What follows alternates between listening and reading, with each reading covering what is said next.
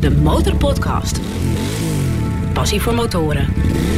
Met Dennis QC en Peter Kroon. Aflevering 46 van de nummer 1 podcast voor motorrijders en motorliefhebbers. Waarin we in elke aflevering eigenlijk praten met uh, gasten. Natuurlijk over de motorpassie.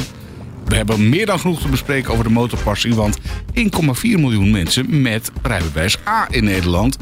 En hoeveel rijden er ook alweer, Dennis? Dat weet jij Ja, 750.000 volgens mij even uit mijn hoofd. Dus, Ja, eh, dus dat zijn er een hele hoop. ik hoop zometeen nog een leuk weetje. Kijken of jullie daar, eh, daar wat van af weten. Eh, wat vond je trouwens van de vorige aflevering met eh, Ronald Molendijk? Nou, daar was ik behoorlijk van onder de indruk. Want hij heeft natuurlijk ja, een motor laten bouwen. Ja. Hè. Wij hebben hem zelf eigenlijk ontdekt bij de Barn Brothers destijds. Zeker. Maar een Ducati heeft hij laten bouwen. Een monster, ja. Vijf jaar bezig geweest om die motor in elkaar te zetten. En wat ik het mooie vond is dat hij hem niet louter en alleen als poetsmotor gebruikt. Maar dus ook gewoon lekker met dat ding gaat rijden. Het kan dus toch. Ja. Ook een genietmotor, genietmotor. Ja. Hey, en ehm, eh, er is goed nieuws, want eh, we gaan wat nieuws doen. of eigenlijk doen we dat al. Eh, we merken dat we heel veel fans hebben en dat heel veel fans zeggen: ja, ik zou wel wat eh, onder, willen ondersteunen bij jullie. Daar hebben we wat voor, eh, voor uitgevonden. Je kunt vriend van de Motorpodcast worden. Dat kan via de site, Dat kan via de site. Ga naar demotorpodcast.nl. Dan klik je op de button Word vriend. Als je vriend van de Motorpodcast wordt, dan krijg je ook nog bonuscontent. Want we nemen tegenwoordig nabranders met onze gasten op. Dat is de napraat na de uitzending.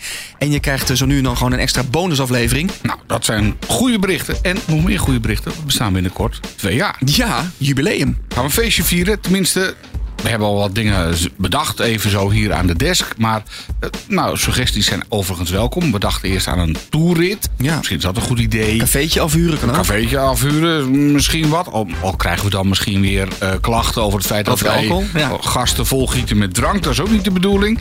Nou, misschien een fotosessie. Nou goed, dat laten we nog even een beetje borrelen. Maar... Misschien moeten we het gewoon aan de luisteraar vragen, Ja, Peter. ja. Als jij een leuk idee hebt en je zit nu te luisteren... dat je denkt van nou, eh, dat tweejarig jubileum... dat zouden jullie moeten vieren op die en die manier... stuur ons even een DM'tje via de socials... of via een mailtje info@demotorpodcast.nl. Gaan we snel naar onze gast. Want de man die vandaag bij ons aan de tafel zit... is een man die zich vooral inzet voor andere motorrijders. Zijn we heel blij mee, anders Ja. moeten we het zelf doen. Ja, nee, dat is een, en we zijn natuurlijk een beetje luid. Tenminste, ik ben een beetje luid. Dus ik vind het altijd fijn als een ander het ook even een beetje opneemt voor, voor motorrijders. Daarom hebben we dit keer een gedreven en een gepassioneerd motorrijder aan de desk. Het is Hugo Pinksterboer, de man van de mag, de Motorrijders Actiegroep. De Motorpodcast. De motorrijders zijn toch eigenlijk wel allemaal een beetje volgetatoeëerde de Harley-rijders met, met de lelijke karakters en zo. Daar bestaan zulke rare ideeën over. Motorrijders beschouwen lawaai als grondrecht. Geschreven door een eminence Gries van de Volkskrant. Kijk wat hier aan de hand is, kijk wat daar aan de hand is. Je neemt de weg bewuster waar. En op het moment dat je de weg bewuster waarneemt, word je een betere motorrijder. Het aantal dreigingen van wegafsluitingen, dat neemt toe. Op het moment dat we willen blijven rijden en je zegt van oké, jongens, maak nou gewoon niet zoveel herrie. Dan kunnen we met z'n allen overal blijven rijden. Het alternatief is, maak wel veel herrie, kunnen we straks nergens meer rijden. Eh, corona heeft ons eh, eh, lelijk in de kaart gespeeld, kan ik zeggen. Ik ben net terug van een rit van twee weken of zo met mijn dochter achterop. 3.500, 4.000 kilometer door Frankrijk. En het allerbelangrijkste wat mensen kunnen doen om ons te helpen, afgezien van het fijn als je lid wordt.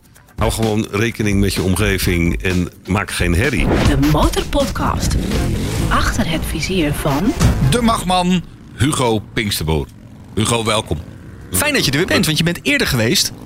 Op de kop af eh, twee jaar geleden in aflevering 10. Het is niet te geloven. hè? Ja, onvoorstelbaar. En we zijn eigenlijk wel heel erg benieuwd wat er in die twee jaar allemaal is gebeurd. Maar ik wil eigenlijk eerst weten, hoe is het met jouw GS 1250? Nee, het was een GS 1200 uit 2006 en met nadruk op het woord was. Want, In september 2020, dus een klein anderhalf jaar geleden, tien over zeven, gaat mijn telefoon. Het is de buurvrouw. Ze zegt op een heel kalme toon: Hugo, weet jij dat je motorfiets in brand staat? Oh. Ik eh, weet niet hoe snel ik geko- beneden gekomen ben, maar dat ging heel snel. ja, Ik wilde de- de voordeur openrukken, maar zag daar een enorme oranje gloed achter. En dacht dat is misschien niet zo'n goed idee. Dus ik ben achterom gelopen. En inderdaad, eh, de vlammen kwamen tot eh, één hoog. hmm, Ja, minder, minder. Goed eh, verzekerd, opgelost. goed verzekerd. En, en voor wie het niet heeft, je hebt mensen met een WA-verzekering. Je Ja. hebt ook een WA-plus-verzekering. Ik geloof dat het, dat het drie kwartjes of anderhalve euro per maand meer kost. Maar dan ben je dus verzekerd tegen diefstal en tegen brand enzovoort enzovoort. Hmm, Dat, dat had in dit geval eh, een hele bon duiten gescheeld. eh, ja. Zo zie je maar je motor goed verzekeren. Maar dan kunnen we nu met recht vragen wat we aan iedereen vragen. Waar rij je op? Ja, het is een beetje flauw, maar op een eh, GS 1200. Ja. Ah, toch weer Alleen dan van eh 12 jaar jonger en eh 130.000 kilometer minder. Ja, daar mag ik geen flauwe grappen meer over maken. Dus u Doen mag ook niet. Nee, dat doe ik niet meer. Maar over die kilometerstand niet of over die motor niet? over, Nee, over, GS. over GS-motoren, over, eh, over de BMW. Dat- Maar hij maar bevalt dus nog. Ja, weet je, ik, ik ken die motormarkt natuurlijk. En eh, het, het is heel simpel. Kijk, die, die, die motor is voor mij, jullie hebben het altijd over passie. En dat, dat vind ik allemaal heel mooi. Hè?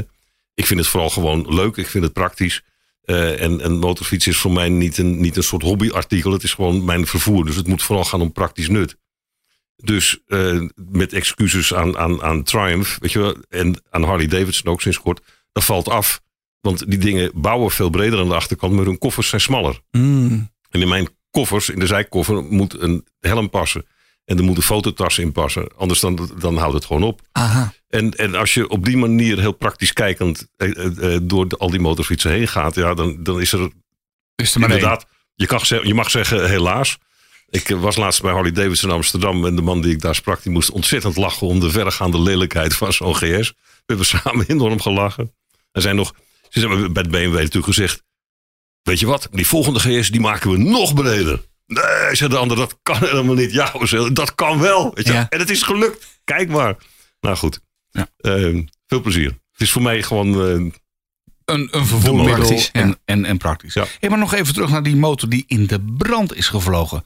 Hoe kan dat nou? Ja, dat is een boeiende vraag. Ik heb sindsdien ook eh, een, een camera. eh, dat is altijd hè, als het kalf verdronken is. Ja, dempt men de Eh, we hebben geen idee. Maar volgens het oordeel van de deskundigen, mijn, mijn garagist en de verzekeringsman, is het aangestoken. Want het kan anders niet dat zijn motor om half zeven 's ochtends, als er iemand de hond komt uitlaten, nog gewoon daar staat. En dat hij om tien over zeven zo in de fik staat.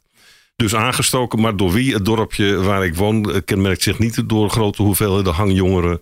Eh, de drugsgebruikende clubbezoekers of eh, wat dan ook. Het is gewoon een beetje een slaperig dorpje.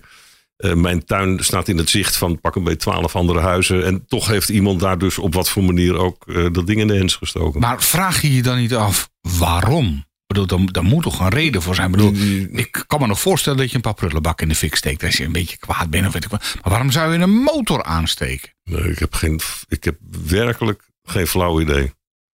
Briefje niet. bij natuurlijk. Ook niet iemand die daar een motief voor zou hebben. Tenminste, tenzij er iemand heel boos op is. En denkt, Nou ja, joh, misschien- stuur, stuur me een mailtje. Weet je. Maar het zou, het zou kunnen zijn hè, door je werkzaamheden bij de MAG. Hey, Ja, die- dat actiegroep. iemand- Dat, dat- dat- iemand denkt van nou, die man met eh, altijd maar een gezeur over die motoren. Ja, dat er iemand tegen Zou kunnen, hè? het strijden voor de vrijheid de, en de, de betaalbaarheid en de veiligheid van motorrijders is. Het, het, het, het zou kunnen. En misschien wel omdat wij zeggen, jongens, als we nou met z'n allen een beetje kalm aandoen, dan kunnen we overal blijven rijden. Ja, daar kan je heel boos om worden. Eh, we, we kunnen het ook niet doen, maar dan kunnen we dus straks inderdaad bijna nergens meer rijden. Ik bedoel, zo, zo simpel is het. Wat even kort samengevat. hè. Je zegt, eh jij vatte het net mooi samen in, in één volzin. Je hebt, voor de mensen die jullie niet kennen, de KNMV. Dat is de Nederlandse Motorrijdersvereniging. Ja. En je hebt een andere belangenvereniging, dat is de MAG. En dat zijn jullie. Ja, motorrijdersactiegroep, eh, opgericht in eh, 1988. Eh, met name om te ageren tegen de verregaande overheidsbemoeienissen. Dat was toen het eh, verhaal. Ja. Eh, de MAG heeft ook toch nog tot niet zo heel lang geleden gezegd... we willen eigenlijk wel af van die helmplicht. Daar zijn, daar zijn wij ondertussen bij de MAG. De MAG zoals die anno, anno 2022 is, zijn we daar niet meer mee bezig. Hoe kun je nou af van een helmplicht? Nou, lekker weer. Dat, dat, eh, dat, dat kan je inderdaad afvragen. Er stond ook, eh, toen ik bij de MAG begon, inmiddels bijna vier jaar geleden, en ik een keer de statuten, dat is niet, niet per se mijn hobby, hè, ik, eh, maar ik nam ze toch een keer door en toen las ik daar onder andere ook. de MAG verzet zich tegen, dit, de MAG verzet zich tegen, de MAG verzet zich tegen onbemande snelheidscontroles. Het hele land staat vol met trajectcontroles en flitspalen. En de MAG zijn nog steeds, wij zijn tegen onbemenste eh, snelheidscontroles. Daar is, er is heel veel eh, veranderd eh, binnen de MAG. Maar wij, wij zijn inderdaad een belangenvereniging. We zijn, we zijn heel hands-on, we zijn heel direct. We zijn de, de luis in de pels. Weet je wel? Wij reageren snel. We hebben overal contacten. We hebben binnen onze achterban bikers en racers en toerders en, en alles. En wat heel belangrijk is, dat we dat allemaal doen terwijl we tegelijkertijd heel goede contacten hebben binnen de overheid. En heel goed con- goede contact hebben met eh, partijen als de ANWB en de BOVAG enzovoort enzovoort. Ja. En, eh, en, en dat heeft er vooral mee te maken met dat we niet alleen maar schreeuwen en zeggen wat we vinden. Maar we weten ook waar we het over hebben. Ja. En jullie mogen ook aanschuiven aan tafel als het gaat om Jazeker. onderhandelingen. En, De Motorpodcast. We blikken zo even terug op de afgelopen twee jaar. Want twee Mhm. jaar geleden was je hier de gast. Maar nog heel even terug naar die helmplichten. In sommige Amerikaanse staten hoef je ook geen helm op. En vooral de sunny states, hè, waar het lekker weer is altijd.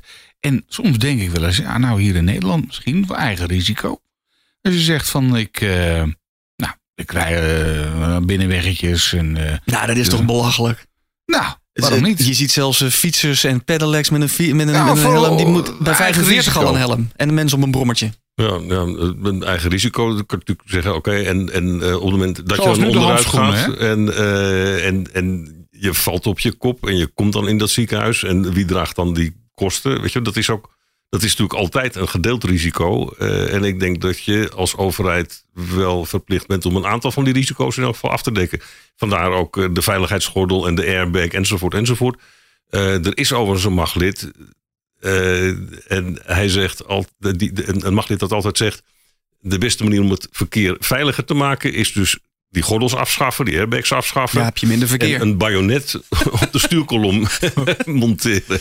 maar zou Dan jij gaat iedereen dus heel voorzichtig rijden zonder te vertrouwen op veiligheidssystemen. Die natuurlijk maar tot een bepaalde eh, grens eh, eh, effectief zijn. Hè?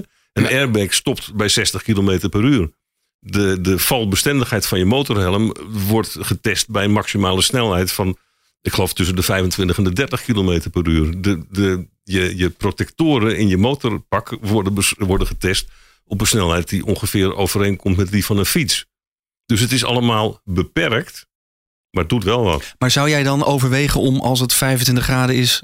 eh, op een 90 kilometer, 80 kilometer weg Nee, de- zonder helm te rijden? die, die wegen zou ik dan mijden. Oh. Maar eh, bijvoorbeeld, eh, nou, ja, ik, ik woon zelf in Hollandse Rading. Dan heb je allemaal van die binnenweggetjes. Dat slingert zo door de polder heen. Nou, als je daar met een gangetje van 40, 50 rijdt. En, eh, Ja, maar dan op het asfalt terechtkomt. ja, natuurlijk, dat, dat doet hartstikke pijn. Dat is een zonder meer een feit. Maar ja, als het echt van het hele lekkere warme weer is. Nou, Ja, ik weet nog goed- dat best aangenaam. Op een gegeven moment kwam de, hoe heet het, de, de, de gordelplicht kwam. En ehm, eh, eh, toen zat je nog zonder gordel. En toen was het heel erg, ja, het voelt heel erg beklemmend in een auto zitten met een gordel om. hè. Dat is eng, nu zijn we er allemaal aan gewend. Je moet dus gewoon op de snelweg 120 rijden en dan je gordel afdoen. Dan denk je toch, in ieder geval ik persoonlijk denk dan van, ik mis iets. Ja. Dat zou ik met een helm ook hebben, denk ik. Ook al is het 40 kilometer per uur. Nou, ja, ik- misschien ben ik roomser dan de pauze hoor, maar... Maar je moet niet vergeten dat als je met 40 km per uur onderuit gaat en je klopt met je hoofd op die stoeprand, Ja, dat ik, je gewoon eh, hartstikke dood bent. Hè? Er is er geen podcast meer. Zonder meer een feit. maar eh, ik kom ook wel eens in echt warme oorden. Het tropische gedeelte van deze natie. En eh, daar is ook jarenlang geen helmplicht geweest. En dat was toch wel ontzettend lekker hoor. Nou, nou was het daar altijd 35 graden. hè. En iets minder Eh, verkeer misschien. Ik, ik doe eens mee met, met van die goede doelenritten. Hè? En er zijn eh, dus bijvoorbeeld de, de Amerpoort. Dat is een heel grote instelling voor mensen met een beperking in Baren. Ja. Een gigantisch groot terrein. En dan rij je dan op zaterdagmiddag wat ritten met bewoners. Er Steeds een rondje over dat terrein van een kwartier. Dat kan makkelijk. Dat is het groot zat voor. Ja, En dat is, dat is eigen terrein. Dus dan rij je natuurlijk eh, zonder helm. oké. Met, met een zijspan. Het is echt, het is geweldig. Nou Het is echt prachtig. Het is, het is ook niet slim, nee. toch? En als je valt zonder handschoenen, je handen zijn weg.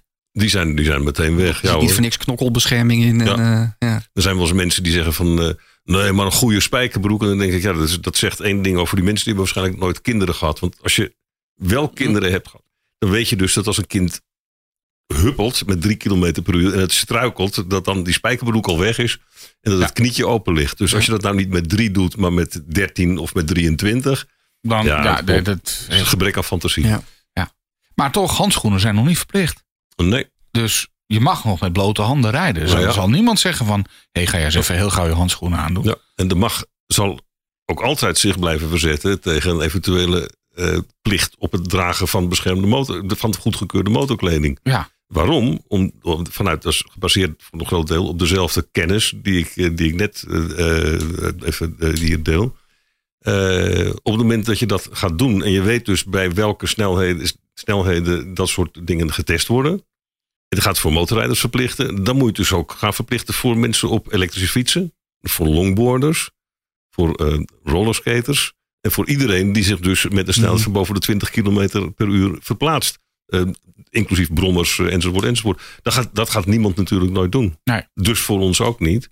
En, en dat is dan het aspect binnen de macht. De, de vrijheid. Eh, wij gaan wel voor de eigen verantwoordelijkheid voor de motorrijder. Ja, die binnen grenzen. Maar de helmplicht, daar zijn jullie niet meer tegen. Nee, de helmplicht, de helmplicht bestaat. Ik bedoel, het is, het is, de- praten over het afschaffen van de helmplicht is net zoiets als het praten over het afschaffen van het rookverbod in uh, horecagelegenheden. Ik bedoel, het is gewoon, dat is voorbij, klaar. Ja, we doen gewoon een helm op. Nou, dat- Toch maar wel. toch maar wel. Als moet ons logo ook veranderen. Dat is ook een beetje onhandig. Ja. Hey, de successen van de MAG. Want er is in, in, in twee jaar denk ik heel veel gebeurd. Te veel om allemaal te bespreken. Dan moet je vooral gewoon het magazine, jullie tijdschrift, eh, eens lezen of op de website kijken. Of op de socials eh, van eh, MAG Nederland. Noem eens een recent hoogtepunt waar de, de MAG een biertje op heeft eh, gedronken. Of in ieder geval op heeft getoast na afloop. met Moet hij lachen? alcoholvrij bier. Ja, met alcoholvrij bier natuurlijk. Nee, we zitten door het hele land, dus we drinken, we drinken weinig eh, bier of eh, wat dan ook samen. Nou, wa- wat je zegt, er zijn veel dingen gebeurd. Wij zijn altijd nog blij met iets waar we, waar we twee jaar lang heel hard mee bezig geweest zijn. Ehm, in Schinnen, en dat was dat al gebeurd toen ik hier was de vorige keer. Volgens dat ik mij niet. En toen, toen- daarna hebben jullie een protest. Want er staat een lichtmast. Ja, nou, er is, er is in eh, Schinnen, Limburg, werd een nieuwe rondweg aangelegd. 80 km per uur. Met een boogstraal, hè, een kromming zodanig dat daar blijkbaar volgens de, de, de richtlijnen een eh, vangrail geplaatst moest worden. Mhm. Ja. En onder die vangrail werd ook keurig meteen een motorvriendelijke onderplank geplaatst. Prachtig. Zodat je er niet onderdoor schuift als je onderuit gaat. Ja, want een vangrail is eigenlijk een geleiderail. Die geleidt een auto. Maar als je op de motor onderuit gaat en je komt onder die rail terecht, dan geleidt hij je niet. Nee. Dus word je die- plank is een, ja, je, je komt gewoon snel tot stilstand en dat is, eh, dat is eh, vaak eh, fataal en anders in elk geval heel schadelijk. Eh, een motorrijder daar uit die regio, die, die zag dat eh, tot zijn plezier. Maar die zag ook dat ze dus vijf lichtmasten of zes, niet achter, maar voor die vangrail met die motorvriendelijke onderplank geplaatst hadden. Dus hij heeft eh, gebeld met de verantwoordelijke partij, toen nog een projectgroep. En die zeiden, maar meneer, u maakt zich zorgen voor niks. Het zijn bosvriendelijke lichtmasten. Ah, botsvriendelijk. Ja, dus eh, hij heeft eh, ons benaderd. Hij zegt, ja, ik ben een beetje uitgepraat. Wat gaan jullie doen? Dus wij hebben ook met die projectgroep contact opgenomen. En we hebben gevraagd wie de leverancier van die bosvriendelijke lichtmasten was. Toen hebben we daarna die leverancier gebeld. En die moest eh, hartelijk lachen. Die zegt, ja, die dingen zijn wel botsvriendelijk. Maar die moet je natuurlijk niet voor een lichtmast eh, zetten. Want Of dan voor, voor de vangrail, ja. eh, voor de, sorry, voor de vangrail zetten. Daar zijn ze niet voor bedoeld. En die mensen hebben gewoon onnodig veel geld uitgegeven aan onze dure botsvriendelijke lichtmasten. Die natuurlijk alleen maar botsvriendelijk zijn als je daar met een auto van 900 kilo op botst. Maar er zit, toch iemand, er zit toch iemand bij een gemeente die gestudeerd is, die gestudeerd heeft voor wegmanagement, intri, weet het, weg. Ja, ze, ze hebben, ze hebben in Amsterdam jaren geleden, omdat er, eh, omdat er auto's, met name taxis, met een teringvaart in Amsterdam. eh, voorbij eh eh eh, tramhaltes eh raceten, hebben ze dus negatieve verkeersdrempels Ja, gemaakt. Hè? Dus hebben Van die kuiltjes. van die kuiltjes aan weerszijden van de tramrails. Hebben ze niet op één plek gedaan, hebben ze meteen door heel Amsterdam gedaan. Er is niemand op het idee gekomen met een rolmaatje even te kijken hoe breed nou de, de wielen van een, eh, van een taxi uit elkaar stonden. Die taxis reden dus nog steeds met 120 langs. Maar ambulances en eh, brandweerwagens die moesten natuurlijk dik in de remmen. Ik bedoel, dat soort dingen gebeurt. En we zijn hier ook eindeloos mee bezig geweest. En we hebben alle excuses gehoord en alle, alle smoezen gehoord die je vanuit dat soort apparaten kunt verwachten. En we zijn uiteindelijk na talloze telefoontjes en mailtjes en alles, zijn we met een, met een groep naar Schinnen gereden. Daar hebben we een, een spandoek opgehangen langs die weg. We hebben hem zelf afgezet en zo. Eh, en we hebben eh, luchtbedjes gekocht en die hebben we aan die lichtmasten gebonden. En toen zijn we naar eh, het eh, provinciehuis gereden en hebben daar een onderhoud verzocht. Dat was wel afgesproken met de gedeputeerden. En hem daar een kruis aangeboden eh, ter nagedachtenis van de eerste motordode die nog moest ja. vallen. En waarvan we dus hoopten dat het niet zou gebeuren. Toen werd die weg overgedragen van de provincie aan de gemeente. Dan krijg je nog een keer zo'n procedure. Het heeft alles bij elkaar twee jaar geduurd. Maar ze worden verplaatst. Ze gaan naar de achterkant. Naar de, Nee, dat kan niet, want daar loopt een riool. Ja, zeggen we dan. Ja, maar dat kan niet, er lo- loopt een riool. Dus nou, dan had u dus die weg niet daar moeten aanleggen. Nou, enzovoort, enzovoort. Ze worden verplaatst aan de binnenkant van de bocht. En dan zeggen een heleboel motorrijders natuurlijk, daar horen ze altijd te staan. En dat is niet waar.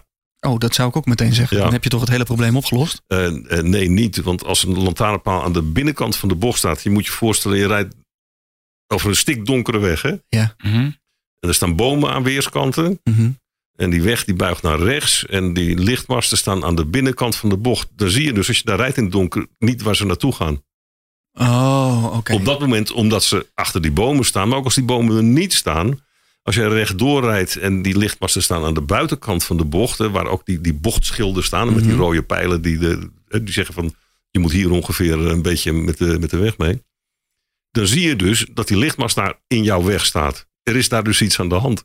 En dan zie je dus ook dat die boog van die lichtmasten geeft ook de boog van die weg aan. Dus inderdaad, als je te hard rijdt en je gaat er onderuit, dan heb je kans dat je zo'n lichtmast raakt. Maar staan die lichtmasten aan de andere kant, dan is de kans veel veel en veel groter dat je de bocht Verkeerd niet haalt. Oh, En dus in de sloot terechtkomt of tegen een boom enzovoort. enzovoort. Dus daar is, eh, er, er, er wordt ook echt eh, heel erg nagedacht in Nederland. maar wel een succesje dus. eh, er gaat Dat- wat gebeuren. Ja, ja. In Het is, het ik weet eerlijk gezegd niet of ze al verplaatst zijn. Dat zou wel rond deze periode gebeurd moeten zijn. Als nou iemand zoiets tegenkomt en die is niet lid van de MAG, mag die zich dan wel bij jullie melden? Ja, die mag zich natuurlijk melden. En ik, ik zal je vertellen, we hebben ook een meldpunt rood licht. Hè. De, de motorrijders kennen dat. Je staat voor een verkeerslicht en iedereen krijgt al zes keer groen en jij staat er nog steeds. Ik laatst ook weer in Breda. Een minuut of vier heb ik dan, eh, dan, dan tel ik dat ook even. Dat is lang. Ik heb ook, ik heb ook eh, de, tijd genomen om mijn telefoon te nemen en een foto te maken. Dat ook. Dat, dat, Zo'n rood licht situatie kan je bij ons melden. Je kan hem vaak ook zelf aan de wegbeheerder doorgeven. Maar dan moet je eerst uitzoeken wie dat is. En dan ben je dus een eenling. En wij hebben iemand die dat al jaren voor ons doet. En als Peter Zuurbier zo'n gemeente belt, dan denken ze: oh god, het is Peter Zuurbier. Dan laten we het maar meteen oplossen, want die laat niet los. Het gebeurt mij klopt. niet vaak hoor, dat ik bij Nee, maar stoplicht sta. en is het niet een kwestie van eh, Op de lus? even de motor een beetje op die lus duwen en even... Er zijn, Eh, even er zijn, er zijn eh, allemaal trucs. Er zijn allemaal trucs. En volgens de deskundigen die ik gesproken heb, werken ze allemaal niet. Oh, Oh, dat idee heb ik wel. Ik had het netjes Ja, dat, dat idee hebben mensen wel. Want op een gegeven moment wordt hij natuurlijk groen. Ja. Ja, en als dat toevallig net gebeurt. Je, je- naar, Oh, naar ik dacht hun dat het idee. met toerental te maken had. Of, Nee, eh, nee, je kan net zo goed het Wilhelmus zingen en dan zeggen: Ja, zie je bij het tweede couplet. Gaat hij op groen? voor zover iemand dat nog kan Ja. zingen. Maar dat, dat is terzijde. Nou goed, maar daar wordt dus heel veel gebruik van gemaakt. Ook door mensen die geen lid zijn. We hebben een meldpunt gevaarlijke wegsituaties. Waar die melding van die lichtmasten terecht kwam bijvoorbeeld. Eh, dat, daar wordt ook gebruik van gemaakt door mensen die geen lid zijn. We zeggen wel tegen ze, jongens, luister nou.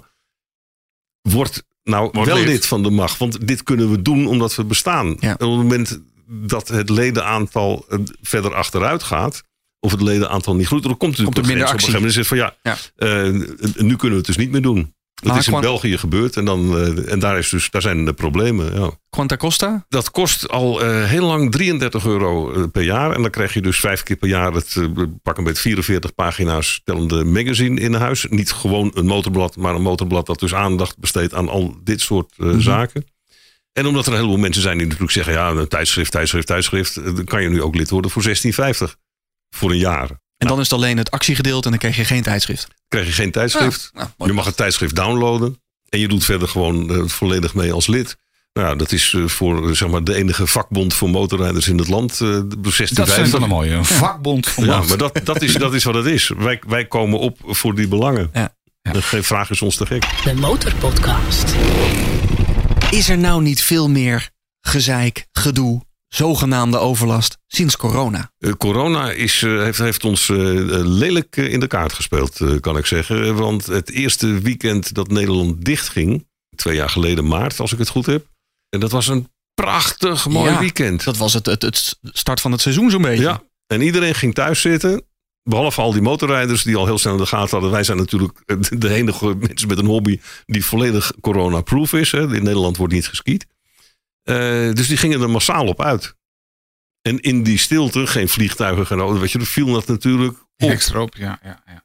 Dat, is, dat is echt eh, immens. En het is ook niet gek dat, eh, dat enkele maanden later de NEFOM gevormd werd. De, de federatie, tussen aanhalingstekens, van de Nederlandse Federatie Omgevingslawaai Motorvoertuigen. Mhm. Want het, het viel echt inderdaad iedereen enorm op. De NEVOM is ook, ook, ook de partij die zich heeft bemoeid met het gedoe, noem ik het maar even, in, in Deventer. Ik heb dat vanaf een afstandje een beetje gevolgd, maar de, help me als ik het niet goed heb. Er is een mooie brug daar. Daar maken we denk ik heel veel motorrijders wel gebruik van. Het ligt op een mooie route. De Willeminenbrug over de IJssel is dat denk ik. Ja, doorgaande weg. De doorgaande weg, een N-weg. Waar je volgens mij 60 mag op de brug, even uit mijn hoofd. Geloof ik wel, ja. Volgens mij was er een groep buurtbewoners die een, een soort van geacteerd filmpje hadden gemaakt. Met heel ander geluid eronder gemonteerd. Heel veel motorrijders achter elkaar gemonteerd. En van die mensen die zeiden, oh, daar hebben we opeens veel overlast van. Zat een neefom daar dan achter? De Nevom zat daar niet achter. Het was een, een bewonersgroep. Mhm. En de, maar de, de, de, de, de aanvoerder zeg maar, van die bewonersgroep eh, was of is wel een bestuurslid van de Nevom. Hmm. En wat zij gedaan hebben, ze zijn de, de, de, de, de, de lokale politiek eh, gaan bespelen. En ze hebben een presentatie gemaakt. Zag er allemaal prachtig uit hoor. Met, met eh, tabellen en cijfers en statistieken en van alles. En als, als eh, belangrijkste punt eigenlijk inderdaad een, heel kort filmpje. Eh, twee dames die daar zogenaamd op bezoek waren. Een van die dames is door een van de Deventer motorrijders die wij kennen al geïdentificeerd als iemand die daar gewoon woont. En die stonden dan op een brug en die stonden te spelen alsof ze dus toevallig op bezoek waren in Deventer. Ja, en elkaar niet konden verstaan. En, nou, zogenaamd. het, het was, het was wel heel, alles was perfect geproduceerd. Eh, Er zaten ook prachtige eh, introbeelden hè, met, met, met een drone die daar door Deventer vloog. Eh, beelden waren overigens gejat. Eh, van een bedrijf, waren zonder toestemming gebruikt. Van een bedrijf waarvan de eigenaren motorrijders waren. Ja. Eh, dus dat was, al, dat was al pijnlijk. En in die hele keurige productie was de man die het interview deed met die dames... was glashelder verstaanbaar. Waarschijnlijk zoals wij nu allemaal. En die dames kon je nauwelijks horen. En ze staan te praten van hoe is dat dan Deventer? Nou ja, een leuke stad zeg. Je kan niet zo leuk boodschappen doen. En dan Precies, in de verte dat aankomen. Nou, aan het geluid van die... Als je een beetje, als je Ja, het beetje wat weet... Klopt echt. dan hoor je dus die motorfiets die rijdt op zijn minst 120. Ja.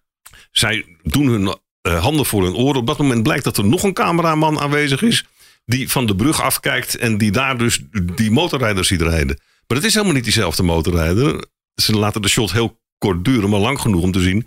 Dat die motorrijders gewoon keurig met het verkeer mee hobbelen. Bovendien is het er niet één, maar het zijn er twee.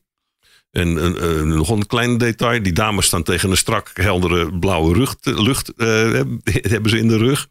En die motorrijders die rijden richting de zonsondergang. Dus er, er klopt echt helemaal geen hout van. Maar het vervelende is, zo'n gemeenteraad, met alle respect voor gemeenteraadsleden, die laten zich daar natuurlijk door inpakken. Want die kijken er niet met die analytische blik naar die wij hebben. Hoe kom je dan als mag aan tafel en leg je uit dat dat filmpje dus heel suggestief is? Want dat is wat je, ja, dat is wat je zo'n wethouder dan wijs moet maken. Ja, de, de wethouder aanschrijven. Vervolgens, omdat als daar niet meteen op gereageerd wordt, eh, gaan bellen. En eh, toen kregen we een dame aan de telefoon die zo'n beetje op het circuit van Assen is eh, grootgebracht. Die het allemaal kende. Ze zei, ik snap jullie verhaal, we gaan nog een keer. Nou, dan zit je dus op een gegeven moment aan tafel. Eh, En die wethouder heeft toen het initiatief, initiatief genomen tot een open gesprek tussen die bewonersgroep Deventer Motorrijders en de MAG. En daar zijn we twee keer geweest. En dat heeft er eh, eigenlijk al snel toe geleid dat Deventer besloten heeft eh, het niet meer te hebben over motoroverlast, maar gewoon over geluidsoverlast door verkeer. Nou, dat is natuurlijk al een heel belangrijk winstpunt. De Motorpodcast. In deze aflevering van de Motorpodcast praten we met Hugo Pinksterboer, de man van de mag, de motorrijders actiegroep. Hugo, word je er nou nooit eens helemaal ja, doodmoe van dat gezeur over geluid dat je bij jezelf denkt. Laat ook maar. Nou, wij gingen, wij gingen graag naar Deventer, want we waren dus heel hartelijk welkom in Deventer. Omdat Deventer ook wel snapte dat ons verhaal klopte. Uiteindelijk wel. Dat, ja, en dat, dat, dat plaatste ook het verhaal van de klagers eh, in perspectief. Waarbij het eh, het niet onbelangrijk was dat er ook een Deventer bewoner was die geen motor reed. En die zegt, nou, ik woon daar ook. Ik weet niet precies waar ze het over hebben. Hm. En een, een belangrijk ding ook waarom we daar in actie moesten komen... is omdat eh, in Deventer, eh, dat Deventer de primeur had... in het paasweekend hebben ze dat gedaan, diezelfde bewonersgroep. Die hebben spandoeken opgehangen op, op essentiële punten in de stad. Grote rode spandoeken met een verbodsbord voor motorfietsen die 70 dB of meer produceren. Met daarbij dan foto's. Hè. Ik wil ook kunnen praten in mijn achtertuin en dat soort dingen. Nou, op het moment dat je dat soort spandoeken gaat ophangen, waarbij je dus eh, eh, een, een gesuggereerd verbod voor motorfietsen die 70 dB of meer maken, dan zeg je dus gewoon: motorrijders zijn hier niet meer welkom. Ja, dan, dan gaat het wel heel fout. Hè? En daarmee voed je ook weer mensen met het idee dat die 70 decibel die voor de, de, de stilste auto's op dit moment geldt. Ik, ik wou dat het ook voor motoren een haalbare grens zou zijn. 70 Wat helemaal niet zo is. Nee, is niks, 70 dB. Nee, maar de, de, de auto's die nu toegelaten worden, dus Mhm. auto's in, in vier klassen, heeft te maken met de power to mass ratio. Ja. Eh, de, de, de lichtste klasse daarvan, die mag 70 dB maken. En b- rijdend, gemeten op 7,5 meter afstand, bla bla bla. Ehm, dat is inderdaad niet veel. Maar dat zijn wel de Europese regels. En die grens die gaat nog naar beneden toe. Nee, maar het is meer dat je de- jullie tomeloze energie in, in actie willen blijven voeren. En on- jullie zetten al eh, jezelf voor ons als motorrijder in. eh, wel eventjes eh, generaliserend. Die, die energie moet je wel elke keer opbrengen. Ja. Of het nou een paal is, of een, eh, een put, of een eh, gat in de weg, of, of Ja. eh, een spandoek. Ik vind dat wel bewonderenswaardig. Nou, daar, daar hebben, dank, dankjewel. Eh, daar, daar, dat, dat kost ook inderdaad heel veel energie. Want het aantal dreigingen van wegafsluitingen, dat neemt toe. ja, Want inderdaad, ze hebben gezien, hey, verrek, in Lopik heeft dat gewerkt. Nou, er is in Lopik hebben ze wel keurig onderzoek gedaan. En ze hebben echt een, een echte pilot gedaan. En ze hebben echt een enquête gedaan. En ze hebben echt... Bovendien was het een afsluiting voor een beperkt gedeelte van de weg. Voor een beperkt deel van het jaar. En er was ook nog een alternatieve route. En toen dachten een heleboel partijen, onder, onder andere in het rechterland... Hey, wacht even, dat kunnen wij ook doen. Ze hebben alleen die procedure waar heel lang voor staat... als je dat allemaal goed wil doen... hebben ze even heel kort samengevat. En eh, daar zijn we dus nu eh, aan het vechten. En gaan we ook naar de bestuursrechter toe... omdat wij vinden dat dat eh, niet correct gedaan is. En dat is inderdaad heel veel energie steeds. En daarvoor hebben we natuurlijk heel veel steun nodig. Maar ook mensen in het land die op een gegeven moment... we kunnen niet vanuit onze twee standplaatsen... voortdurend naar Limburg en naar Deventer en naar Zeeland en naar Groningen. Dat is, dat is niet te doen. En het allerbelangrijkste wat mensen kunnen doen om ons te helpen... afgezien van het fijn als je lid wordt... maar doe wat te luid is uit, want daar gaan we het nog over hebben, wat die campagne eh, oproept. Hou gewoon rekening met je omgeving en maak, maak geen herrie. Want zolang als die, als, die, als die herrie stopt, dan ontneem je dus die partijen de munitie die ze nodig hebben om eh, wegen af te sluiten voor motorrijders. Blijven er wel genoeg mensen die herrie maken, ja, dan, dan houdt het op een gegeven moment gewoon echt op. Bedoel, dat, is, dat is heel simpel. Niet omdat wij het willen, in tegendeel, maar het is wel wat gaat gebeuren. Maar mijn vraag hè, over. eh, wordt je dit nooit eens zat? Hè? Deventer, nou dat, dat heb je net uitgelegd. Maar als je al die feiten, al die wapenfeiten nu zo opnoemt. dan denk ik bij mezelf. Ja, eh, denk je nooit van. Nou, ik gooi de handdoek in de ring. Ik word hier zo moe van. Van dat geneuzel op de vierkante millimeter. Over geluid, over bobbels in de weg. Over verkeers- of lichtmasten aan de verkeerde kant. Dat je gewoon denkt, nou. ik zie Hugo met een blik zitten zitten van echt niet, echt niet, echt niet. Nee, ik denk ook niet dat er geneuzeld wordt over geluid. Er wordt geklaagd over geluid. En daar maar al die dingetjes terecht bij elkaar. Wordt het jou als, als Hugo, wordt het, jou, wordt het Hugo nooit te veel? Dat is eigenlijk wat ik, wat nee ik wil hoor, vragen. nee. Nee, ik vind, ik vind het ontzettend leuk om te doen. En ik vind het ontzettend leuk om met al die partijen om de tafel te gaan. En te kijken hoe we dingen kunnen oplossen samen. Maar ik denk ook, Peter, het, het gaat ten eerste op een vriendelijke manier, ondanks dat er actie in jullie naam zit. Maar het gaat, jullie zitten aan tafel, je, je mag meepraten. Ja. Er worden succesjes gevierd, hè, zoals zo'n lichtmast die aan de, naar de achterkant gaat. Als je nooit een succesje viert, dan word je denk ik wel moe. Dan zou ik ook op een gegeven moment denken van Ja. nou, eh, schinnen, dag. Tuurlijk. Tuurlijk. Nee, dat is, dat is, dat is absoluut waar. En, en zoals je het net zegt, hè, er zijn ongetwijfeld ook mensen die dat zo zien. Nou, ze hebben een paar lichtmastjes verplaatst. Maar het punt is natuurlijk dat als die lichtmasten daar blijven staan, dan is het, oh, weet je wat, dat is voor ons ook wel makkelijker. Dat doen we ook zo. En, eh, en dan plaatsen ze ook, eh, omdat, ze, omdat er automobilisten zijn die dus eh, zeggen, nou weet je wat, ik kan er vaak niet door, ik moet hier rechtsaf, die voorsorteerstrook. Staat het verkeer vaak vast daar, oh, een stukje pak ik even de berm mee.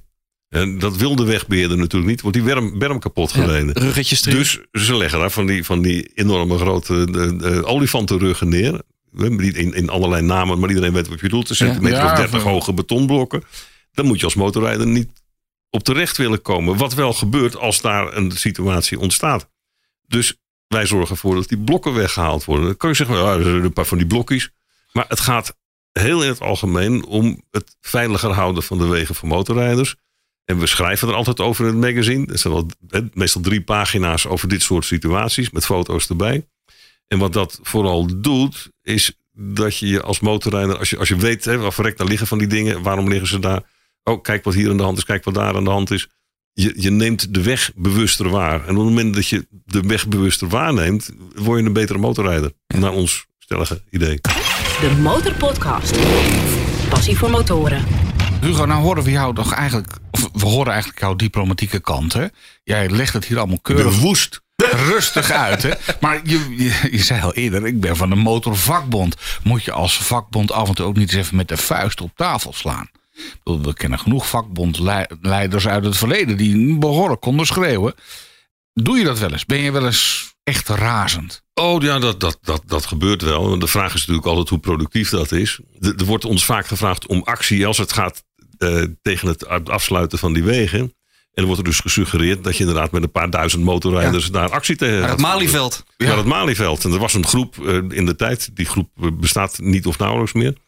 En die zeiden, en we gaan dat doen, want we moeten laten zien dat we er zijn. Waarop wij zeiden, ja, maar dat is dus een beetje het probleem. Hè? Ze, ze, ze weten wel dat we er zijn. Ja. Dat is nou net waar het om gaat. Dus dat is niet de manier om dat te doen. Jullie geloven meer in de politiek en de, de aanschuifstrategie. Eh, de- de aanschuiven en direct erbij zijn. En inderdaad mensen lastigvallen door te komen met inhoud. eh, eh, richting Nevon bijvoorbeeld, maar ook richting kranten. Ik weet niet of dat toen ook al gebeurd was, maar er stond in de Volkskrant eh, op een gegeven moment, en dat is inderdaad een jaar of twee terug denk ik, een pagina groot artikel, pagina 3. Motorrijders beschouwen lawaai als grondrecht. Hmm. Nou, zet in plaats van lawaai eh, diefstal neer en vul in plaats van motorrijders een, eh, motor, een, bevolkingsgroep naar keuze in, dan is het land te klein. Het artikel was bovendien heel slecht onderbouwd. Eh, Er werden de, de vreemde bronnen aangehaald. Nou, en zo er markeerde van alles aan. Geschreven door een eminence Gries van de Volkskrant.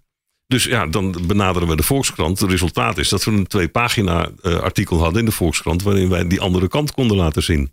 Nou, dat is, dat is dus een, eh, een publicitaire vorm van actie. Hoe ben jij hier nou ingerold? Ik was al jarenlang lid van de MAG. En er stond een keer een, eh, een, een eh, artikel in over iemand die met zijn kind reed af en toe een stukje. En daar wilden ze wel eens vaker aandacht aan besteden. En toen heb ik gebeld. Ik had in die tijd, zat ik ruimer in mijn tijd dan in het grootste gedeelte van de rest van mijn leven. En ik heb gezegd, oh, ik ben net terug van een rit van twee, twee weken of zo met mijn dochter achterop. Van 10, eh, eh, 3.500, 4.000 kilometer door Frankrijk. Vind je dat leuk? Ja, zegt iemand, dat lijkt me leuk. Dus die kwam mij interviewen. Die hoorde wat ik allemaal gedaan had. En, en anderhalf jaar later of zo belde hij op. Hij zegt, we willen ons tijdschrift gaan professionaliseren. Is dat wat voor jou? Want ik ben eerder hoofdredacteur geweest van een muziektijdschrift... en van een tijdschrift over interactieve multimedia en zo. Dus zo eh, rolde ik daarin. Ah. En die beleidsmatige kant en de actie enzovoort enzovoort... dat, dat was een eh, cadeautje erbij. En nu is het ongeveer een fulltime job. De Motorpodcast. Gratis in je favoriete podcast app. Het is tijd eh, voor de zes versnellingen. Het principe? Snel doorschakelen, snel antwoord geven. Er is geen goed en geen fout. Het is ja of nee, eens of oneens. Eerste versnelling. Iedereen een regelbaar uitlaatsysteem, ja of nee? Nee, Motorregels moeten Europees worden afgesproken. nee. Liever in een auto of liever op een driewieler motor? Dan bedoel je een zijspan. Een zijspan, Een geluidscamera is dé oplossing tegen geluidsoverlast. die gaat zeker helpen. De KNMV of de MAG? De macht natuurlijk. Iedereen elektrisch of niet gaat, meer rijden? Dat gaat gebeuren op een, een uitzondering na. Wanneer verwacht je dat? Oh, dat duurt nog een tijd. Ja? Ja. Gaan we dat nog meemaken? Ja, zeker. Dus dat Kijk- betekent binnen nu en een jaar of eh, zeg 30. Oh, zeker. Ja, kijk hoe het met auto's gaat.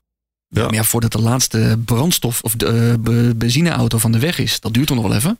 Eh, Dat, dat, ja, ik durf daar geen uitspraken over te doen. Maar het is wel duidelijk dat dingen heel snel aan het veranderen zijn. Hè? En die benzineprijzen nu hebben ook te maken met olie en met andere zaken. Maar naarmate het aantal elektrische auto's toeneemt, zal ook het aantal laadpunten toenemen. En naarmate het aantal benzineauto's afneemt, gaat ook het aantal benzinestations omlaag. Ja, dat is waar. Dus het is helemaal niet denkbeeldig dat een liter benzine die nu nog voor een bescheiden 2,25 euro Oh, dat vind je... be- slik te koop ik viel is. flauw van de week. Dat is- 221. Ja, nee, ik zat aan de 2,25 was in Niet normaal. de snelweg. Ja. Maar het was, ik heb heel goedkoop getankt, want het, eh, het, het eh, elektronisch bediende klepje van mijn benzine of ging niet open. Maar dat terzijde, dat is heel goedkoop rijden. Maar je verwacht dat het snel gaat gebeuren. Dan, die, die benzineprijzen gaan natuurlijk omhoog. En er zijn mensen die zeggen heel dapper, ja, nee, ik, ik blijf lekker gewoon op mijn benzinemotorfiets rijden. Nou, dan wil ik nog wel eens zien als die benzine op zeven plaatsen in Nederland getankt kan worden voor 30 euro per liter. Ik, ik, ik noem maar iets. Ja, je chargeert het een beetje. En ja. als, je, als je ziet hoe snel het aantal elektrische auto's nu stijgt. Ik bedoel, mensen zitten wel eens heel vaak te kijken. Ja, denk je echt dat het zo snel gebeurt? Ik heb hier een, een, een, iPhone in mijn handen. Eh, tien jaar geleden had nog niemand idee wat dat was, of elf jaar. Ik bedoel, dat, is, dat is zo kort geleden, dat gaat zo snel. Nou ben ik vanmorgen hier uh, naar de studio op, op een elektrische fiets gekomen. Die trouwens ook heel makkelijk heel snel kan laten lopen. Maar daarover later meer. Een turbostandje? Ja, een turbostandje en dan het, het sensortje. Uh, daar kan je een beetje mee knoeien. En dan blijft de ondersteuning geven. Dan ga je, ga je alsmaar harder. zonder helm. Zonder helm, ja. Zonder helm, natuurlijk. Ja. Maar uh, ben ik over de hei heen ge, gereden. En uh, de boswachter, of tenminste de heidewachter. Wat is het? Hier, hier in de buurt. Boswachter, Hilversum. Hmm. Die rijdt dus op een Zero. Ja. Zo'n zo zo crossmotortje elektrisch. En die zie je dus gewoon over de hei heen zoeven. En dan zal hij daar wel toestemming voor hebben, omdat, omdat het zijn werk is. Maar toen dacht ik, nou, zo stilletjes op zo'n elektro-ding. Ik vond het misschien, nou, ik dacht, misschien is het toch wel leuk. Ja, maar dat uh, zal een brommer zijn dan, denk ik. Nee, nee, nee, nee, Zero maakt geen brommers. Nee, dat zijn, nee, uh, nee, Zero maakt een, een, een, vrij lichte, ik weet niet hoe dat ding heet, maar een vrij lichte ja. ding waarmee, ja, prima. Ja. Ja. Maar je hebt nog nooit elektrisch gereden, Peter? Ja, een keer op zo'n uh, zo'n elektrische Harley. Die Harley, ja, die heb je opgereden. Ja. Dus jij zegt van als we uh, en elektrisch... toen dacht ik even van, ja, misschien ga ik toch een keer om. Want ik heb hem er altijd tegen verzet. Want ik vind eigenlijk motorrijden, de beleving van het motorrijden. Je moet een motor horen, weet je. Het moet toch, het geluid, ik vind dat toch wel belangrijk hoor. Ja, ik, ik heb dan een keer in, in Motorplus een uh, column over geschreven. En uh, een beetje onder het thema, uh, wat is nou een echte motorrijder? Ik heb denk ik wel het gevoel dat ik het meest echt aan het motorrijden ben. Hè. Als ik op van die prachtige bochtige weggetjes. En ik, ik rijd dan het liefst in Frankrijk. Als ik daar beetje, mezelf uh, op zo vloeiend, vloeiend mogelijke wijze door die bochten uh, slinger. Het laatste waar ik dan mee bezig ben is het motorgeluid zeg. Kom op. Dus voor jou is een, de perfecte motorrijder is de, het, de stuurbeleving. De dat is, die, dat is, dat, ja, dat is natuurlijk geweldig. Maar, uh, maar dat is heel persoonlijk. Maar het regelbare heb... uitlaatsysteem. Ja, dat was daar, de eerste. Daar, daar, ben je de eerste versnelling. Nee. Dat vond je niks. Nou, het, het vervelende ook, is dat ook die, leverbaar voor jouw motor. Ja, weet ik. Die regelbare uitlaatsystemen zijn uh, in hun stille stand vaak stiller dan, uh, dan de standaard uitlaat. Maar op het moment dat je die klep openzet, dan maken ze volgens de regels nog steeds niet meer geluid dan er mag. Maar er wordt wel degelijk veel geluid geproduceerd. Het is namelijk om die, die behoefte aan geluid te, te bevredigen. Met het oog daarop zijn die, zijn die dingen gebouwd. Anders zeg, maak je gewoon alleen de stille variant. Mm -hmm. En niet de rest. En, en nogmaals, op het moment dat dat geluid, het wordt aan alle kanten, de, zijn er mensen die daar dol op zijn. Ja, dat is nou eenmaal zo. Maar jongens, luister nou, als we daar allemaal mee doorgaan, mag je dus straks nergens meer rijden. Maar als je als een regelbaar systeem hebt, hè, iedereen heeft dat, of tenminste, het is nu nog maar voor een aantal motoren beschikbaar, maar als het voor heel veel motoren beschikbaar is, is het gewoon nou, jongens, uh, bebouwde kom, woonwijken, uh, klep dicht. En weet ik veel, als je een keer in de polder, hè, waar bijna niemand woont, nou, daar mag je je klepje even openzetten. Ja, ik, ik toch even laten brullen. Ik, ik, ik, ben bang dat mensen niet de zelfbeheersing hebben die daarvoor nodig is, eerlijk gezegd. Ik weet het wel zeker. Nee, en ik wil, weet je, ik wil echt niet roomser klinken dan de pauze. En, uh, maar maar het, is, het is wel zo, mijn, mijn nieuwe GS maakt, en dat, is, dat vond ik eigenlijk heel vreemd, uh, duidelijk meer geluid, een aanweziger geluid. En dat is natuurlijk heel belangrijk. Het gaat niet alleen over die decibellen. Uh, dan zijn voorganger. Dat betekent dus dat als ik uh, langs één of twee boerderijen mijn favoriete slingertje richting mijn dorpje maak, dat ik dus minder geneigd ben om dat gas open te draaien, want ik wil die mensen niet lastigvallen. Nou mag er hier in Nederland dit, nou mag er in Duitsland dat, in Oostenrijk weer zus en in Frankrijk weer zo. En toch zeg jij, motorregels moeten Europees niet worden afgesproken met elkaar. Nou, als, als ze in Nederland alles gaan toepassen wat er nu in de buitenlanden al geldt, dan wordt motorrijden in Nederland opeens okay. een heel stuk minder leuk. Nou, dan zijn wij dat helemaal met je eens. Ja. Uh, liever in een auto of een driewielermotor? We hebben hier vaak de discussie. En dan heb ik het denk ik niet over de zijspan. Nee, daar was ik al bang voor. Maar is, is zo'n, ja, ik noem het even zo'n trike-achtig dingetje. Twee wieltjes aan de voorkant. Ja, twee wieltjes aan de voorkant en eentje aan de achterkant. Ja, het ding dat een MP3 genoemd wordt, ja. omdat hij anders heet een uh, driewielige scooter in auto-uitvoering met rempedaal.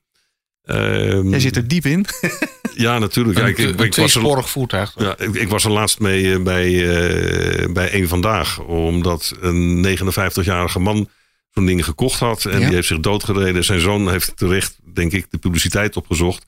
En gezegd, jongens, hoe kan het nou toch dat je op zo'n ding mag rijden zonder enige voorbereiding? Ja, vind ik ook. Leer motorrijden. Ja, Eh, maar dat, is weer, dat vraagt dus om het, het herroepen van een, een maatregel die eh, allemaal vastgelegd is in de wet en Europese law. Dus dat is, dat is eigenlijk niet te doen. En daar, daar valt dan af en toe helaas zo'n slachtoffer bij. Ehm, Is het een motor, vind je? nou, wat ik toen ook daar. eh, ik heb het al op televisie gezegd, dus dan mag ik het hier nog wel een keer zeggen. Dat, dat zei die verslaggever ook. Hij zegt: Kijk, wat daar staat is dus een motor. Ik zeg: Ja, nou ja, volgens de wet is het een auto. Ja, maar voelt het dan als een motor als je erop gaat zitten, wat ik op dat moment deed? Ik zeg: Nou, nee, het voelt meer als een wc. En dat is, ja, weet je, als je op een scooter zit, en dat maakt niet uit hoeveel wielen die aan de voorkant heeft. Maar, maar je, je zit gewoon met je benen eh, recht vooruit Alsof je in een pot zit, ja. Ja, ja, ja. Alsof je op de pot zit. Ik bedoel, eh, moeilijker dan dat is het niet.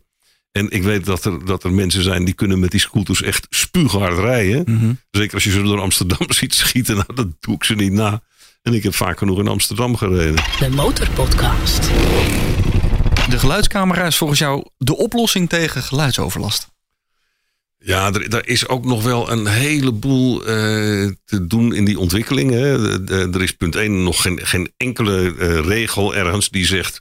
een passerend motorvoertuig in een openbare straat mag maximaal zoveel dB maken. Een heel groot probleem is natuurlijk ook... eh, dat het beïnvloed kan worden door bijvoorbeeld als de, De wind. richting Ja. die camera staat. Of enzovoort enzovoort. Mensen Twee motoren, twee voertuigen. twee- ja, maar dat, dat gaat allemaal met camera's. En ze kunnen precies, ze kunnen precies met, met microfoons. En als dat nu nog niet kan, kunnen ze het binnenkort lokaliseren. Weet je, uit welke richting. En je hoort natuurlijk dan altijd, als er twee motoren zijn, hoor je er twee. En je hoort natuurlijk ook heel goed, daar heb je het stereo voor. We zitten in een geluidsstudio hier. Ja. Dan hoor je natuurlijk welke, welk eh, geluid uit de eerste motorfiets Ja. komt en welk geluid uit de tweede. Want dat komt Ja. iets later voorbij. Dat, dat heeft allemaal nog eh, heel wat voet in de aarde, denk ik. Er is in Frankrijk eh, draait er nu een experiment. Zonder, zonder in herhaling te willen vervallen. Op het moment dat we willen blijven rijden en je zegt van oké, jongens, maak nou gewoon niet zoveel herrie. Dan kunnen we met z'n allen overal blijven rijden. Het alternatief is, maak wel veel herrie, kunnen we straks nergens meer rijden. En als je dat dan moet controleren met behulp van zo'n camera die gewoon zegt, ja, dit is echt eh, boven de norm. We zijn bezig met die campagne, te luid geluid is uit. Dat, dat moet natuurlijk in samenwerking met handhaving. Maar die handhaving is lang niet altijd mogelijk. Dat is wel geïntensiveerd. Er zijn in de afgelopen twee jaar, geloof ik, drie keer zoveel boetes uitgeschreven. Voor het maken van onnodig geluid. En twee keer zoveel eh, dan twee jaar geleden eh, voor eh, het niet voldoen aan de permanente eisen. Je merkt het ook langs de weg dat er meer, meer motorcontroles staan, Ja. vind ik. Ja, ja het, het, is, het is blijkbaar nodig. Want nogmaals, nou goed, ik heb het Ja. nou vaak genoeg gezegd. Maar wat wel fijn is met die, daarom ben ik voor zo'n geluidscamera, omdat je dan ook een keer inzichtelijk kan maken dat het niet alleen de motorrijders zijn, maar ook die gasten met een, met een golfje wat helemaal Tuurlijk. ongebouwd is. En het, het is niet alleen de motorrijder die overlast veroorzaakt. Daar, daarom ben ik er. Ja. Ik heb ze liever niet. Maar Ja. goed. En het, het, het punt is natuurlijk dat motorrijders makkelijker te identificeren zijn. Hè? En dat is een groep. En motorrijders zijn toch eigenlijk wel allemaal een beetje volgetatoeëerde. eh de, de Harley-rijders met, met de lelijke karakters en zo. het, het is echt zo grappig. Het is, de, de, daar bestaan zulke rare ideeën over. Ja. En eh, eh, mensen uit, uit de regionen van de Neefom bijvoorbeeld. Hè, daar zaten we laatst mee eh, bij een, dag bij de politie. En die, die, een van die jonge kerel die eh, zegt: Ja, en ik heet Jan. Zo heette hij niet, maar ik ben heel discreet. en die wilde niet zijn achternaam. En dat is dus, dat is dus gewoon een, een, een, een daad van de passieve agressie.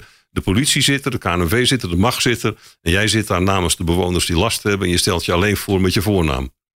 Hè? Dat, dat impliceert dus dat die motorrijders niet te vertrouwen zijn. Ze komen je pakken. Hmm. Ja. Ja, het is, het is echt. Dan dat ben je geen goede gesprekspartner ook hoor, denk ik. Sorry. Nee, dat is, dat is, eh, dat, dat is echt eh, dat is doodjammer. Ja. En het laatste versnelling was eh, KNMV of MAG. Natuurlijk zeg jij dan de MAG. Maar ik zeg dan, ben je niet veel krachtiger als er één spokesperson is namens de motorrijder in Nederland? Alles op één hoop. Oh, Ja. dat zou, ja, nee, natuurlijk, dat zou geweldig zijn. Maar het, het vervelende is dat de, de KNV in een aantal zaken eh, eh, echt anders staat dan dat de macht staat. Eh, vergelijk het maar, zou het niet fantastisch zijn als we één politieke partij hadden? Met z'n allen allemaal Ja. dezelfde kant Ja, op. maar je hebt één voetbalbond. Is, er- is er maar één voetbalbond? Ja, Ja. de KNVB. In Zeist. Ja. Jongen, jongen, jongen. Mooi ritje Ja, trouwens daar in Zeist. Maar... Oh, nou, dan leuk gaan. Gaan we, gaan we kijken. Gaan we, gaan we, gaan we Nee, maar ik denk, ik ben van jullie allebei lid. En dan denk ik van ja, natuurlijk, de een is eh, echt meer actie. En de ander is ook meer voor de fun. Hè? De KNMV met grip. Dat is een totaal ander magazine. Maar ik denk, ja, ik heb twee abonnementen. Ja. Dus sta je niet samen sterker als je gewoon samen op Papendal gaat Ja. zitten. En, eh, Nou, wij, wij, wij zouden nooit de grip maken, bijvoorbeeld. nee. Eh, en, en, en nogmaals, er zijn een aantal dingen waar, waar ik nu, er zijn nu eigenlijk bijna zin om daarover te praten. Maar er zijn een aantal dingen waar we toch fundamenteel anders over denken. Laten we nog heel even naar te luid geluid is uit. Dat is het convenant wat wij ook ondersteunen via de website. En we hebben het ook vaak over geluid en dat je daar even bewust van moet zijn. Hoe is het met het convenant te luid geluid is uit? Nou, we hebben daar een beetje tegenslag in gehad. Want eh, ik zei al eerder, eh, we hebben goede contacten eh, met, met verschillende overheden. Ook in Den Haag. Ook destijds dus met de Koren van Nieuwenhuizen. En wij wilden dus het convenant aan haar aanbieden. Dat was ook helemaal gepland met een datum erbij. En dat was, die datum was op een dinsdag. En op maandag zei ze, Ik word ik lobbyist. ga ergens anders werken. Ja.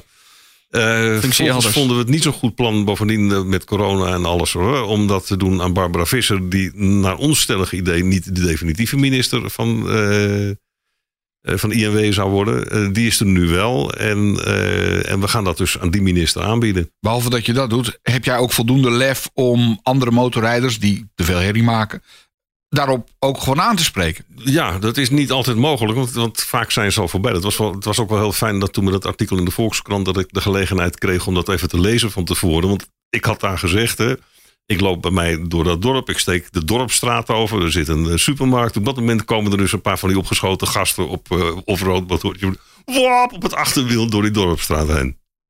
En in de krant stond toen... Pinksterboer koos ervoor om ze niet aan te spreken. Dus ik heb die journalist gebeld. Ik zeg, sorry, dan moet je toch even iets anders doen. hè? Ik ging boodschappen doen. Ik loop daar dus met mijn handen vol tassen. Loop daar dus met handen met boodschappen. En er komen vier, vijf jongens op motoren voorbij rijden. Maar hoe pak je dat aan? Zeggen ze dan niet gewoon, "Ja, opa, wat bemoei je je mee? Nee, ik heb gezegd, hey, luister, ik ben ook motorrijder. En eerlijk gezegd, en dat vind ik ook. Weet je, ik, ik vind dat een geweldig geluid. Hoorde laatst op zo'n ouderwetse, eh, zo'n ouderwetse eh, Mercedes-taxi staan. Weet je, met zo'n oh, zo'n zo'n dieselgeluid. Dat is prachtig, toch? Ja. En nou, die diesel dat kan niet meer, maar dit geluid kan ook niet meer. En dat heb ik gezegd, ik vind het ook heel mooi. Maar op het moment dat jij voorbij rijdt met deze herrie... elke volgende motorrijder die voorbij rijdt, wordt daarop aangekeken. Op jouw geluid. Wat was zijn reactie dan?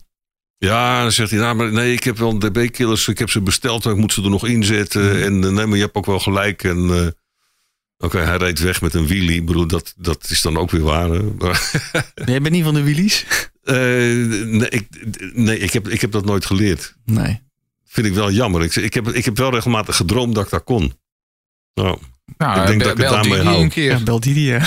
ja, bel Didi een keer. Ja, Didi nee, ik, ga, ik, ga Didi, ik ga Didi sowieso een keer bellen. Hoezo? Dat, lijkt- nee, dat lijkt me, lijkt me erg leuk om een keer met haar te discussiëren over wat zij dus in. in was dat de vorige uitzending? Ja, het is vijf afleveringen geleden, denk ik. Didi Oké. de motordodo. Als je niet afle die aflevering niet hebt gehoord, check hem even. Maar zij rijdt vrij sportief en vrij vaak op het achterwieltje. En ook op de openbare weg. Ja. Dat is haar eigen verantwoording natuurlijk. Maar dat is niet jouw sport. Het is er eigen verantwoording, maar het draagt ook weer bij aan dat beeld van die Zeker. motorrijders. die dus asociale Ja. klootzakken zijn. Want men En denkt dat die- wij dat allemaal doen. Eh, ja. Ja. En dat, dat is dus niet dat beeld. En, en nogmaals, weet je, eh, ik, ik denk als ik bekeuringen krijg voor elke kilometer die ik te hard rijd, dan was ik, eh, dan, dan, dan zat ik hier niet. Weet je, het, het, en, Het imago. Hè? Het gaat om het imago. Ja. Nee, weet je, en, en geloof me, je kan in Nederland zonder mensen een, eh, i- iets aan te doen nog echt ongelooflijk leuk eh, motorrijden. En ook snel rijden en sportief rijden enzovoort. Maar doe het nou niet op het moment dat daar mensen wel in de buurt zijn. Maar dan neem ik het even op voor Didi. Zij zei ook, ik kies wel vaak een, een afgelegen parkeerterreintje of een industrieterrein. En Voor die, voor die wheelies. Juist. Ja, maar, maar ze zegt ook. eh, hè, ze heeft het over de teringherrie die eruit die uitlaat komt. Dat is echt, ze gebruikt daar nogal heftige woorden voor. Die zou ik eerder verwachten uit de mond van iemand die daarover klaagt. dan uit de mond van iemand die ze produceert. Mhm. En dan zegt ze ook. Als ik opstap zonder mijn oordoppen in, dan binnen 30 seconden ben ik eraf. Want ik, dan kan ik er echt, word ik helemaal horendol van mijn eigen geluid. En ze zegt ook, ja, als ik op zo'n dijkje rijd, ja, maar dan rijd ik maar heel kort. Maar iemand die aan dat dijkje woont, die hoort dat geluid waar zij dus binnen 30 seconden horendol van wordt, die hoort dat minstens een minuut. Ja. Want die hoort er namelijk van heel ver al aankomen. En dus weet je, het, het, het, het- het, denk- gaat, het gaat niet werken zo. Ik denk Didi dat jij een DM'tje van, eh, van Hugo ja, kan verwachten. het, lijkt, het, lijkt, het lijkt me heel leuk. We gaan Ja. geen ruzie maken. Maar, eh, een je, beetje begrip ben- voor elkaar is nooit ik heb, ik heb jarenlang gedrumd. Dat is er de laatste tijd eh, helaas bij ingeschoten. Ik heb jarenlang in een huis gewoond waar ik met mijn kwartetje kon spelen. Dus mijn vrijheid, toch? Ja, toen ben ik helaas verhuisd naar een huis waar dat niet meer kon. Dan kan ik wel zeggen, eh, het is mijn vrijheid. Maar dan heb ik wel een probleem. Ja. En dan is dat dus mijn probleem met mijn buren. Als je motorrijdt, wat ik al eerder gezegd heb. Als je motorrijdt, dat is heel vervelend. Maar dan is iedereen je buurman. Hè? Zij zegt ook, ja, voor mijn buren niet. Ja, maar lieve Didi, Die buren. waar jij rijdt, dat zijn op dat moment Ja. je buren. Nou, bel er even. Ga ik doen. De Motorpodcast. Aflevering 46 van de Motorpodcast met Hugo Pinksterboer van De Mag. De Motorpodcast. 100.000 euro voor je motorliefde. Wat ga jij ermee doen? Ik, eh, ik steek dat dan eh, in, in een eh, huis dat ik eh, zou gaan kopen. En dan laat ik daar een prachtige garage bij eh, aanleggen. Zodat die motoren die ik af en toe zie staan, waarvan ik denk, die zou ik ook wel willen hebben. Ja, die moeten nou buiten staan, dat is zonde, dat ga ik niet doen. En als ik dan En welke ben- motoren zijn dat dan? Ja, daar ben ik ook wel benieuwd naar. Nou, daar had iemand een R1 waar die niet op reed. En dat, is, dat lijkt me echt ontzettend leuk. Zo'n Heerlijk, Dennis afdeling. Ja, ja, ja, aan de andere kant, ik weet ook, want ik heb er twee weken op gereden. Toen ik, eh, hij leende er mij uit toen, ik, eh, toen mijn GS afgebrand was. Ik weet ook, ik, ik reed naar Breda, een van mijn, mijn, eh, mijn vaste ritten. En ik, ik dacht na drie kwartier echt van, joh, jezus, zeg, doet, duurt dit nog lang? Weet je? Ja, het is anders dan op jouw GS is natuurlijk. Van, ja, en, en eh, de- bovendien, dan kom je eraan en dan laat je je helm zeggen. Je kan niks meenemen. Nee. Maar eh, dat of een, een, eh, een R9T zou er ook best bij mogen. En, en eh, vergeet niet gewoon een, een ouderwetse Road King bijvoorbeeld. Ja. En eh, ach, ja. En ga je dan ook verhuizen of blijf je in het huidige dorpje wonen waar je woont? Nee, dan zou ik nog wel verhuizen ook. Dus het- het, eh, hebben al een paar mensen gezegd: ik doe niks met die ton. Want dan eventueel Ja, je, je bent er dik overheen. eh, Oh, sorry. dat is- Shit. Komt er ooit een jaar dat de mag zich eh, overbodig maakt? Wat zou dat prachtig zijn, hè? Ja? Als, dat, als dat niet meer zou hoeven, ja. ja. Dat zou wel echt prachtig zijn. Maar voorlopig eh, hebben we nog, eh, zijn we nog eh, dik aan de bak. Tenzij natuurlijk al die wegen dicht gaan, want dan hoeven wij ook niet meer eh, te staan. Nee, is- wie, wie dan meer over wil weten, noem nog even of zal ik het doen. Doe www.teluidisuit.nl Ja. Als je meer wilt weten over het convenant, kijk vooral op die website of op onze website, daar staat hij ook op. Wij ondersteunen dat convenant ook. Hou een beetje rekening met elkaar, dan houden we Nederland ook een beetje open.